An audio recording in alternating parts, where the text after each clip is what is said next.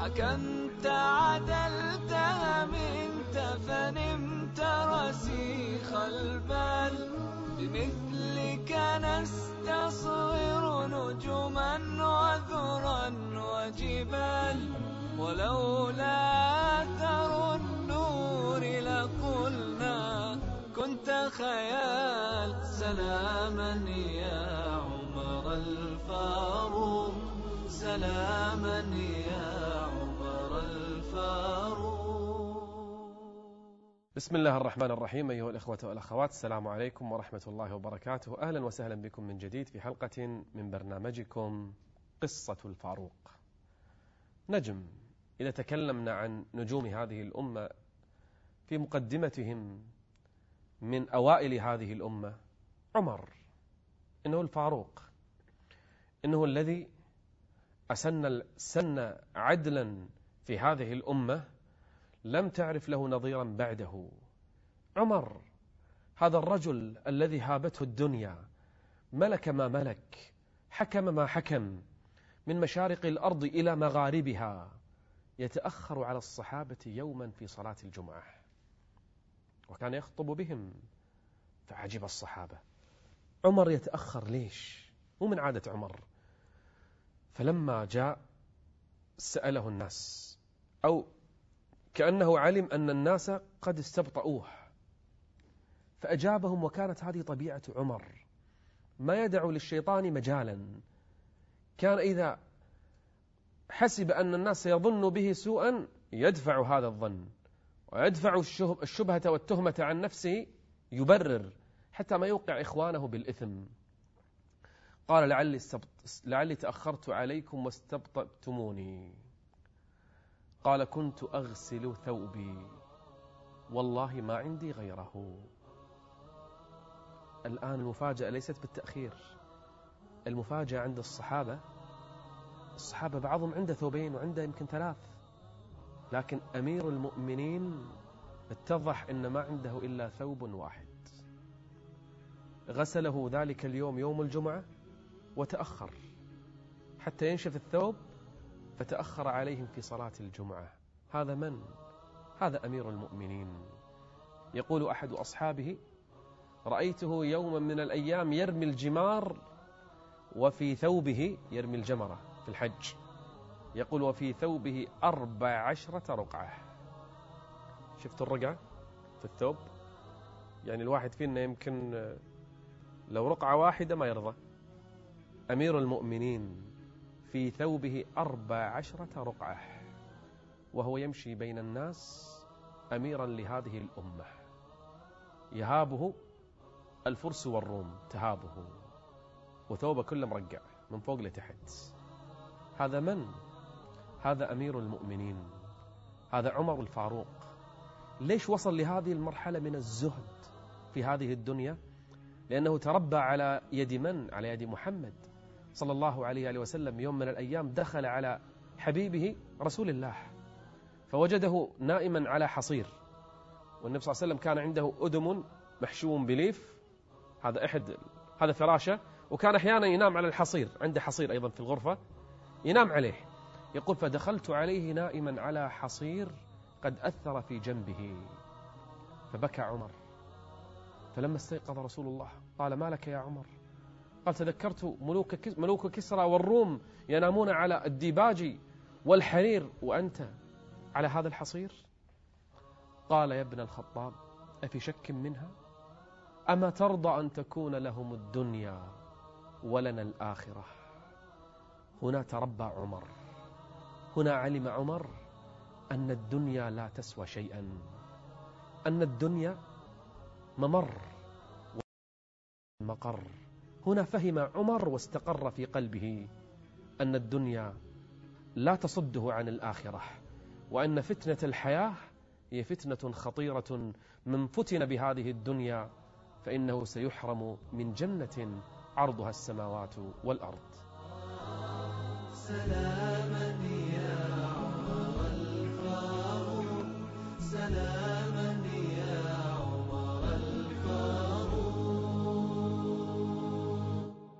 يدخل عمر بن الخطاب رضي الله عنه يوم من الأيام إلى بيته. فيسأل زوجته أم كلثوم. يسألها عن طعام في البيت. قالت ليس في البيت إلا ما تراه تحت السرير. شوف تحت السرير شنو فيه؟ يقول فأخذ فإذا هو إناء فيه تمرات وإناء آخر فيه ماء الأسودان. يقول تقول فأكل تمرات وشرب ماء ثم مسح بطنه وهو يقول الحمد لله الحمد لله اللهم لا تفتنا بهذه الدنيا. شوف عمر ما يبي ينفتن في البيت ماكو شيء عنده تمر وماء الأسودان طعامه. لأن في قلبه ولا تمدن عينيك إلى ما متعنا به أزواجا منهم. أزواجا منهم زهرة الحياة الدنيا لنفتنهم فيه. لما فتحت الفتوح وجاءت الخيرات للمدينة وجيء لعمر ببعض جواهر كسرى وكنوزهم ونثروها بين يدي عمر. طبعا مو له عشان يوزعها في المسلمين. لما نظر إليها عمر بكى فقال له أصحابه هذا يوم فرح. تبكي؟ غنائم كسرى عندنا. يعني المسلمين الآن الحمد لله يملكون. وأنت تبكي؟ قال غادر رسول الله صلى الله عليه, صلى الله عليه وسلم وهو أحب الناس إلى الله. وما ملك مثل هذا. وغادر صاحبه أبو بكر وهو أحب الناس إلى رسول الله وما جاءه مثل هذا. أما الآن ففي عهدي يأتي مثل هذا أخشى أن تكون طيباتنا قد عجلت لنا وجلس يبكي. هكذا عمر كان يفهم أن الدنيا تكون فقط في اليد ما تدخل القلب. نعم جاءتني الدنيا لا تنسى نصيبك من الدنيا. ما يحرم على نفسه. عمر كان تاجرا كان يعمل بالتجارة وكان يحصل على أموال أحيانا لكن في حياته المال ما صده عن ذكر الله عن صلاة عن جهاد عن عبادة.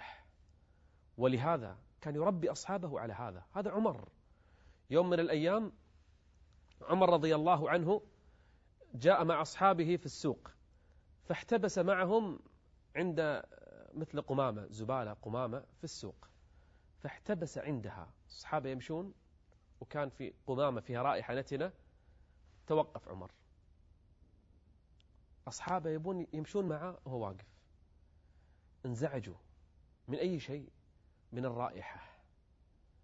قال لعلكم يعني تأذيتم برائحتها؟ قالوا نعم يا عمر نعم يا أمير المؤمنين. تدش رد عليهم؟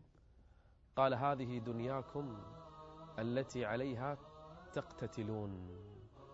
شفتوا دنياكم؟ مثل هذه القمامة. مثل هذه الزبالة أجلكم الله. ترى هذه الدنيا. تعلمها ممن؟ من النبي عليه الصلاة والسلام مشار الجدي الأسك الميت الجيفة. قال الدنيا أهون عند الله من هذه عند أحدكم. وما الحياة الدنيا؟ وما الحياة الدنيا إلا متاع الغرور. كان عمر رضي الله عنه يرضى بالعيش الخشن. كان يقبل بهذا اللباس يقبل بهذا الطعام. كان حتى حتى السمن ما يأكل يقول لا آكل حتى يشبع جياع المسلمين. السمن ما يأكل يأكل الزيت. هو أردأ من السمن. كان يأكله مع طحين بل كان يشبع جياع المسلمين وهو لا يملك في بيته كسرة خبز يملأ بها بطنه. تقرقر بطنه ولا يبالي لأنه يعلم يعلم أن هذه الدنيا ليست دار مستقر. عمر رضي الله عنه تربى على يد محمد صلى الله عليه وسلم. في يوم من الأيام خرج النبي عليه الصلاة والسلام ما أخرجه إلا الجوع فوجد أبا بكر. قال ما الذي أخرجك يا أبا بكر؟ قال الجوع يا رسول الله. يمشيان فوجد عمر. قال ما الذي أخرجك يا عمر؟ قال الذي أخرجكما يا رسول الله الجوع. هكذا تربى عمر. فلما أكل ضيفهم أحد الصحابة. فلما أكل قال النبي لهم لهما لتسألن يومئذ عن هذا النعيم.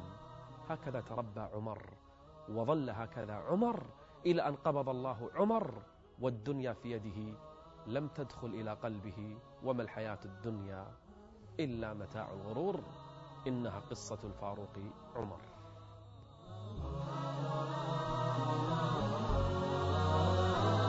ملأت